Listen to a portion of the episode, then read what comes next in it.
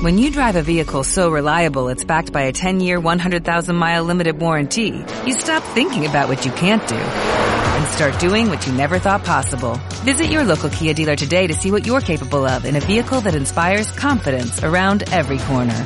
Kia, movement that inspires. Call 800-3334-KIA for details. Always drive safely. Limited inventory available. Warranties include 10-year 100,000-mile powertrain and 5-year 60,000-mile basic. Warranties are limited. See retailer for details.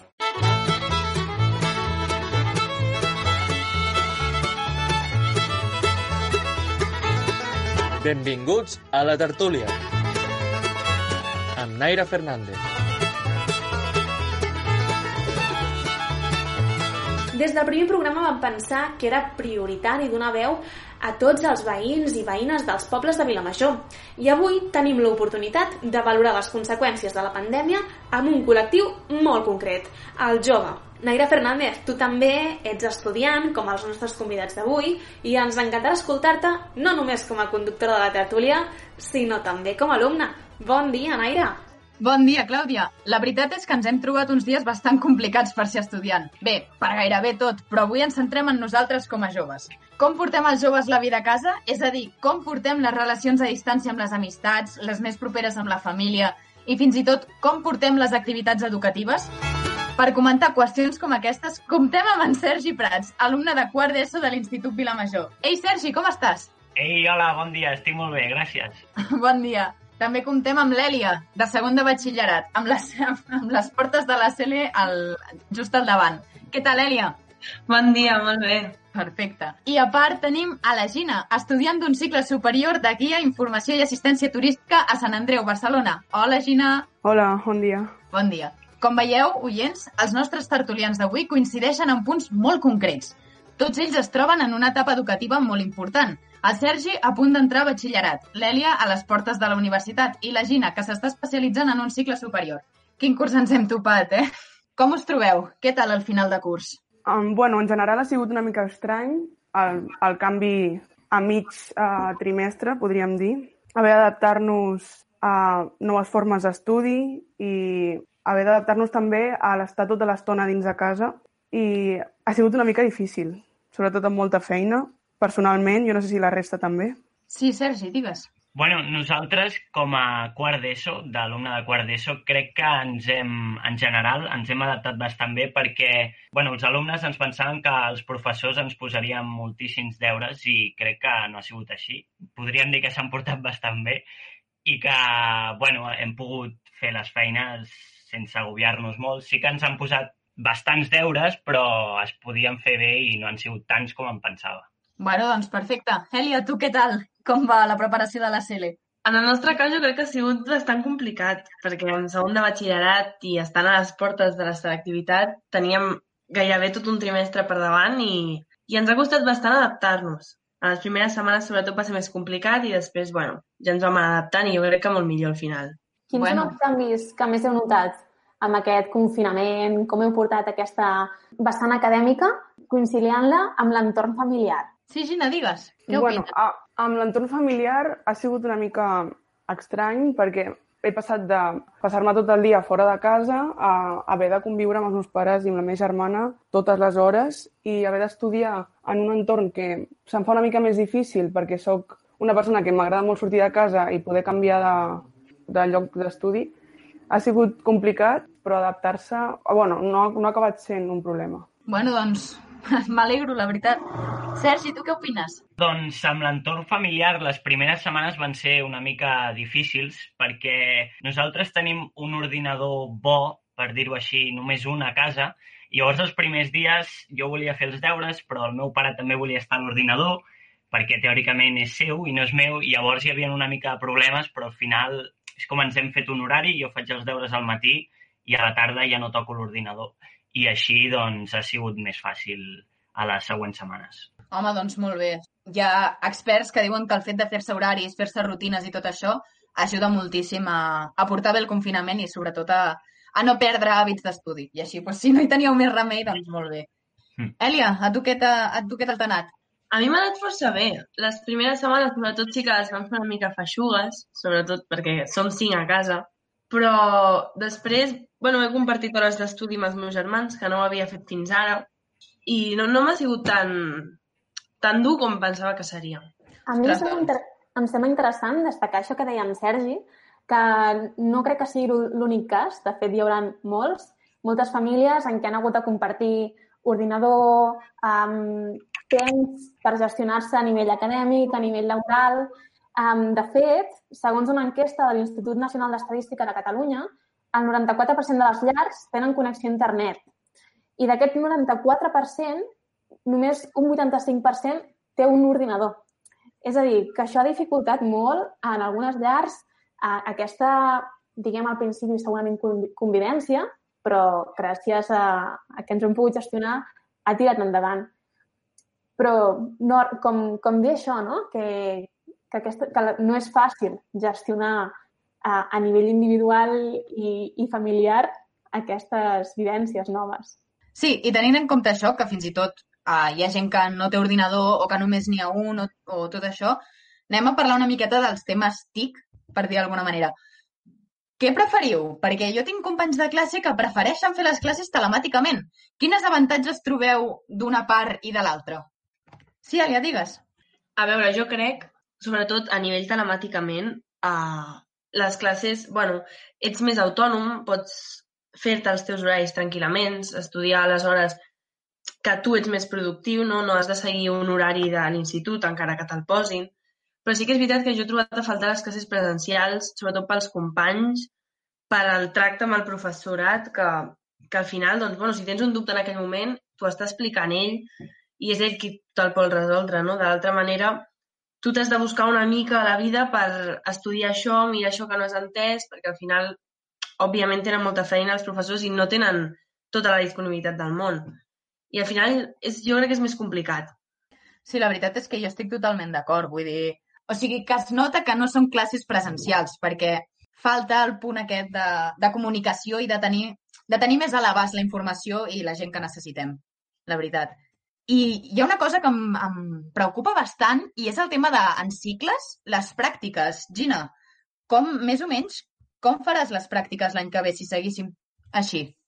Buah, una, bueno, no ens han dit res encara. Vam estar parlant l'altre dia sobre què opinàvem. Sí, bueno, perquè nosaltres tenim l'opció de fer les pràctiques aquí, a Catalunya, o marxar d'Erasmus. Um, vam estar parlant sobre què opinàvem, què volíem fer, i en principi no, no ens donaven la...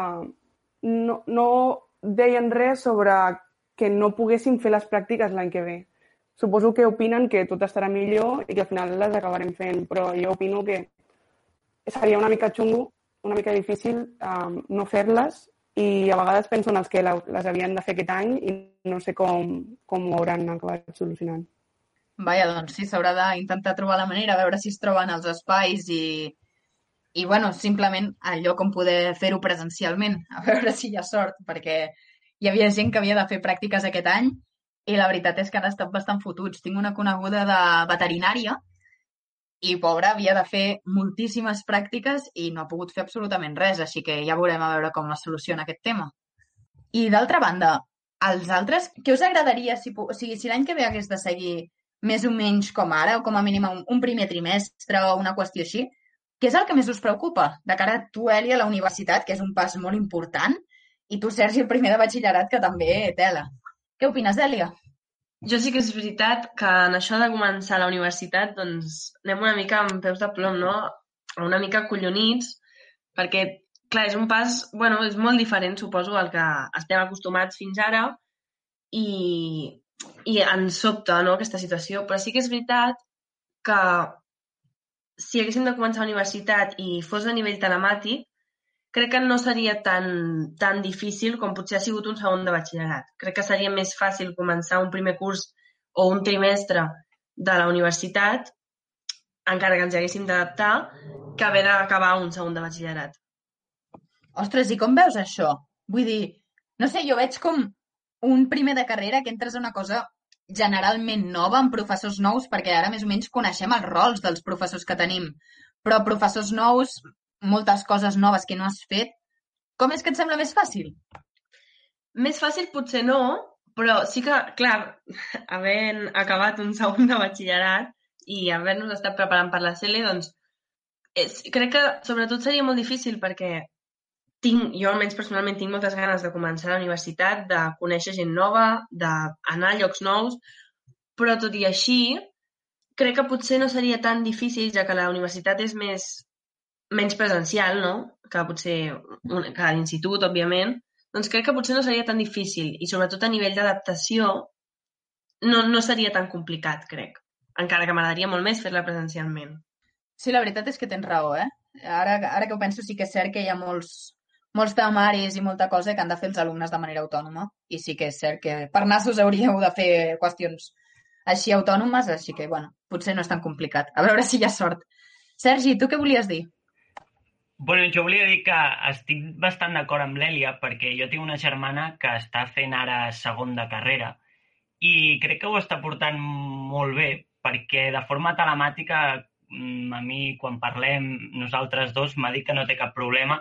I sí que és cert que començar, per exemple, primer de batxillerat, jo, bueno, gràcies que jo eh, segueixo el mateix institut de l'Ins Vilamajor, però la gent que marxa a un altre institut, per exemple, a Llinars o Cardedeu, crec que ho tindran bastant difícil perquè, no sé, canvies molt d'aires, uns, nou, uns nous professors, i és com ha dit l'Eli abans, que, per exemple, a la universitat no és com tant de tu a tu al professor, és com que el professor fa la classe i ja està, i tu atens i ja està, i si vols anar vas a la classe i si no, no.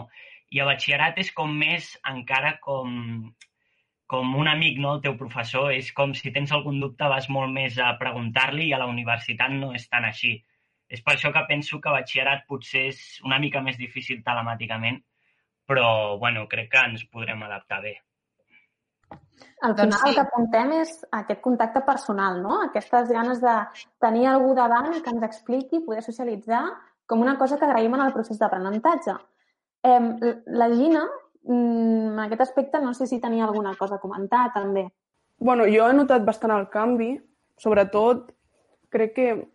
Bueno, personalment crec que és millor anar a classe i perquè el feedback amb el professor és diferent estar en una classe en una videotrucada és, és difícil poder tenir un contacte més directe amb els companys, amb els professors. A més, la connexió a internet a vegades va bastant malament i és una mica difícil poder seguir una classe. I la veritat és que jo, jo ho trobo a faltar. Trobo a faltar la rutina d'anar a classe i espero que torni aviat. Com, com us imagineu els, el proper curs escolar? En una frase, com creieu que podria ser? Endavant, Èlia. Jo crec que seria molt, molt diferent al, al, que, al que hi ha fins ara i sobretot seria, crec que força estrany per tothom. Comencis el curs que comencis, facis el canvi de cicle o, o, o vagis a la universitat, facis un cicle superior, comencis batxillerat... Jo crec que seria molt, molt estrany per tots. Per què? Perquè sobretot nosaltres, no?, que necessitem molt el contacte amb la gent que, que ens agrada tenir aquest tu a tu amb el professorat, amb, amb els alumnes, amb la resta de, de companys.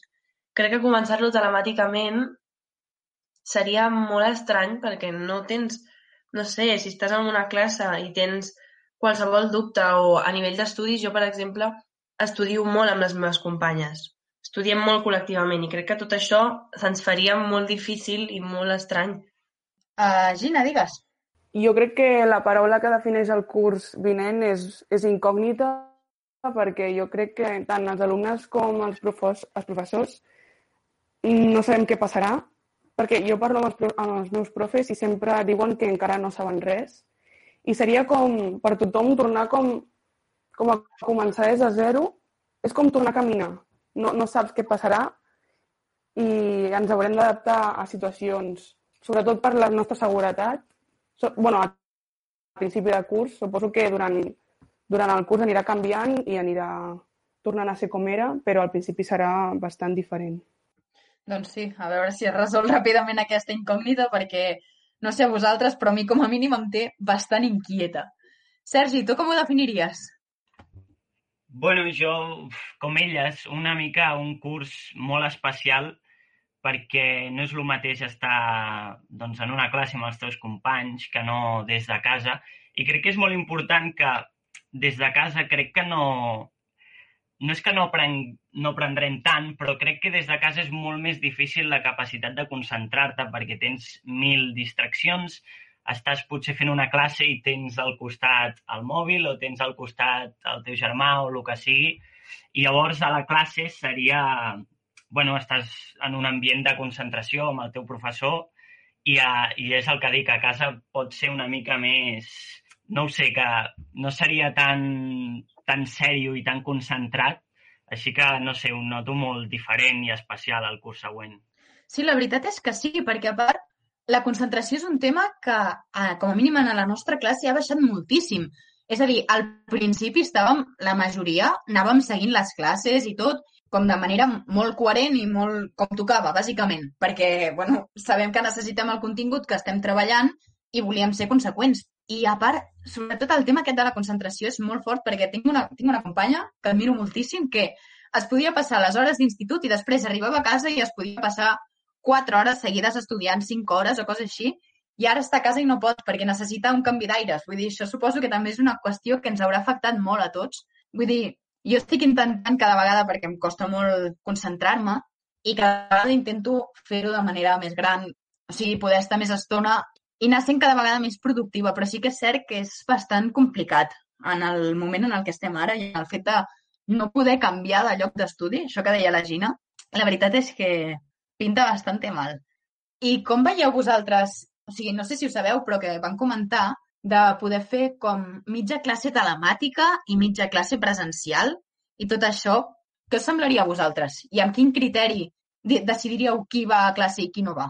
Sergi, digues.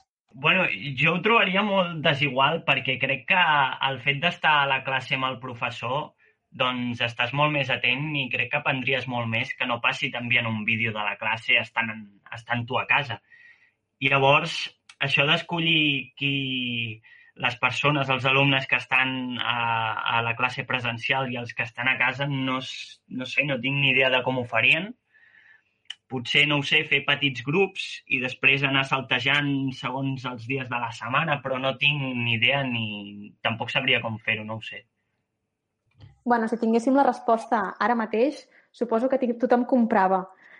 És a dir, que, que que no ho sàpiga Sergi crec que és el problema que estan tenint, vaja, tots els equips docents de cada institut, escoles, però s'obre totalment a propostes, a, a suggerències, i crec que això també els pot ajudar quan, si escolten aquest programa, no? A què pensen els alumnes dels centres. Home, la veritat és que jo com a alumne, per exemple, trobo que potser si s'haguessis de fer això d'anar a classe i no anar a classe, clar, la qüestió és, si hi hagués els mitjans, podríem canviar els dies. O sigui, sí que és cert que podríem fer grups petits i fan la meitat de la classe, en plan la meitat del grup ho fa a casa seva i l'altra meitat ho fa presencialment.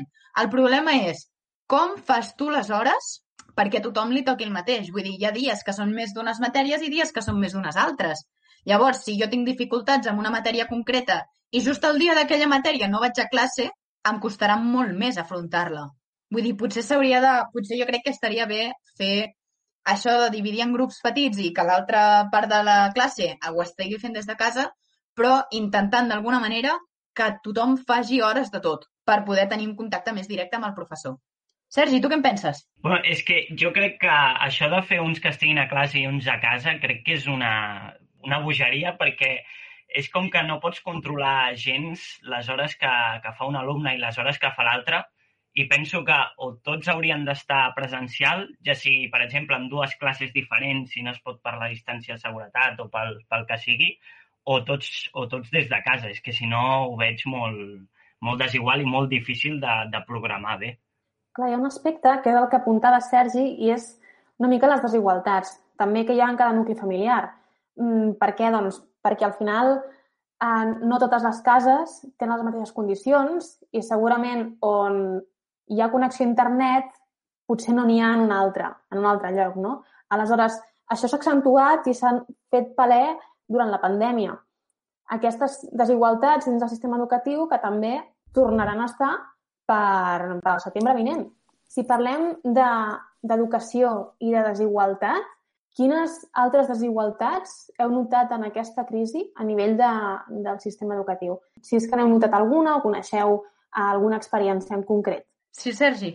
Bueno, jo he notat que, per exemple, jo tinc un, un company a classe que no té, no té ordinadors a casa i crec que això de, de les famílies que tenen pocs recursos i no poden optar a les noves tecnologies i no tenen ordinadors, ni molts mòbils, ni tablets, ni aquestes tecnologies, doncs se'ls hi farà molt difícil, per exemple, un, tot un curs eh, haver de fer-ho telemàticament si és que s'acaba fent. Llavors, sí que vaig sentir per les notícies de que estaven intentant proporcionar ordinadors a totes les famílies que no en tenien, perquè si no, no podien seguir la classe, però, clar, ho veig molt desigual de les persones que sí que en tenen que no, que no aquests alumnes que no tenen ordinadors a casa.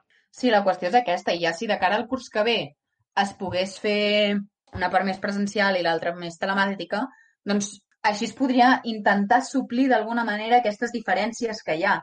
Vull dir, no tenen recursos, no tenen ordinadors i molt probablement no hauran pogut seguir la feina i, i els conceptes que es van donant durant aquest confinament de manera òptima, però llavors potser estaria bé que ho compensessin d'alguna manera com tenint atenció potser personalitzada perquè els haurà costat molt seguir-ho o alguna qüestió així.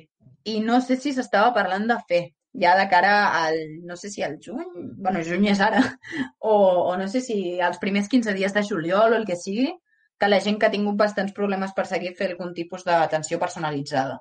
Haurem de veure-ho. Sí, de fet hi ha algunes escoles que ja han obert com per poder oferir alguns serveis ja per començar i treure una mica de pes a alguns pares que els està costant conciliar aquesta, els seus horaris laborals.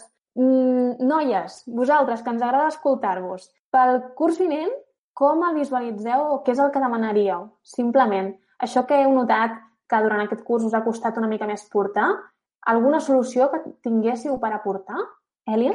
Jo potser solució no ho sé, no, no sabria què dir-te. Però sí que és veritat que, tot i que és el que deia, no sé qui ho havia dit abans, que hi ha molts professors que sí que veus que, que estan per tu, que estan per la matèria, que es preocupen pels alumnes, però hi ha altres que potser posen feina i no tenen en ment la situació en la que estem passant tots, tant ells com nosaltres, òbviament, la quantitat de, la quantitat de, de volum de feina que tenim o el dia a dia que passem, perquè al final no és el mateix anar a classe i fer les sis hores de feina que havíem de fer a fer-ho a casa, que és el que dèiem, no tens tanta concentració, bueno, tens altres distraccions i al final se't fa més complicat. I llavors crec que també haurien de tenir una mica més de comprensió amb els alumnes. Èlia, què vols comentar? No, que estic completament d'acord amb el que has dit i sí que és veritat que és el que deia el Sergi abans. Al final, també si ens posen tant volum de feina, el que provoquen és que nosaltres fem la feina per fer-la i perquè ens l'han demanada i l'hem d'acabar i entregar tota, sense implicar-nos-hi, sense interessar-nos i al final sense aprendre, perquè no som conscients del que estem fent, no ho estem fent amb ganes i no hi estem prestant atenció. Llavors, crec que reduir el volum de feina faria que l'alumnat ho fes més a gust i prestés més atenció. Doncs sí, i potser també a part de reduir, perquè nosaltres també ens hem trobat alguns problemes amb el tema aquest de reduir, perquè abans ho comentàvem amb la Clàudia, jo vull estudiar la carrera de Química i si hi ha temes que no s'estan donant i que jo necessitaré, això em, em toca bastant els pebrots perquè no puc fer-hi res. Però potser més atenció per part del professorat, que en alguns casos és complicada, però en d'altres doncs, s'agrairia doncs, moltíssim. Gina, tu què vols comentar? Bueno, també volia compartir que m'ha passat el mateix que vosaltres. M'ha donat la sensació de que els profes també deuen tenir, deuen tenir molta feina per... no sé com dir-ho. Com que tenen molta pressió perquè ningú sap què està passant... bueno, ningú sap què passarà i com aniran tot això, però em dóna la sensació de que els, com si nosaltres estiguéssim de vacances i ells i nosaltres tinguéssim molt temps per poder fer els seus deures i han posat un volum de deures, una quantitat de deures que, com deia l'Èlia, estem en una situació que no estem al 100% per poder fer-los tots, no estem en un ambient de treball que ens pot costar perquè estem a casa, ens distraiem i la veritat és que a mi m'ha costat bastant. Amb tot això que comentàveu, a mi m'agradaria, com, a, com a professora també i, i companya d'altres professors, destacar que també estàs està sent complicat per molt professorat que no està adaptat a les noves tecnologies o no suficientment posat com per inclús fer teletreball, doncs està sent complicat a l'hora de portar. Jo imagino que des del principi fins a dia d'avui, des del principi de confinament, vull dir, ha canviat, no? Se n'han anat adaptant, reestructurant contingut perquè tot costa. I el bitxo, diguem-li el bitxo, ens ha agafat tots d'imprevist. Però vaja, sembla que, que va, va evolucionant i que les idees van canviant dia a dia i esperem que siguin totes per un bé. Naira, no sé si volies dir alguna cosa més, com per ja anar tancant. Sí, doncs bàsicament que sí que és cert que hi ha hagut molts professors que s'han anat adaptant a poc a poc i és una cosa que s'aprecia molt perquè hi ha gent que, bueno, que li costa una miqueta més, que també s'entén, però bé, jo acabaria amb aquesta reivindicació de, per una part, agrair a tots els professors aquells que s'hi han basat amb nosaltres, que també entenem que són persones i que tenen les seves famílies i que també han d'estar per ells, però si us plau que comptin que nosaltres també i que no posin quatre exercicis i, i es quedin tan panxos. I si s'envien correus, si, si es necessita ajuda, donar. I a mi, si us sembla bé, m'agradaria acabar amb aquesta reivindicació i sobretot donar-vos les gràcies, Èlia, Gina i Sergi, per haver tingut aquesta estona de parlar de l'educació. I vamos, que estic segura que ens podem passar hores xerrant, però bé, les converses pendents podríem tenir-les cara a cara, a veure si, a veure si ens ho permeten. I bé, ja veurem què tal. Moltíssimes gràcies per haver participat a la tertúlia. Moltes gràcies a tots, totes. Moltes gràcies. Gràcies A vosaltres.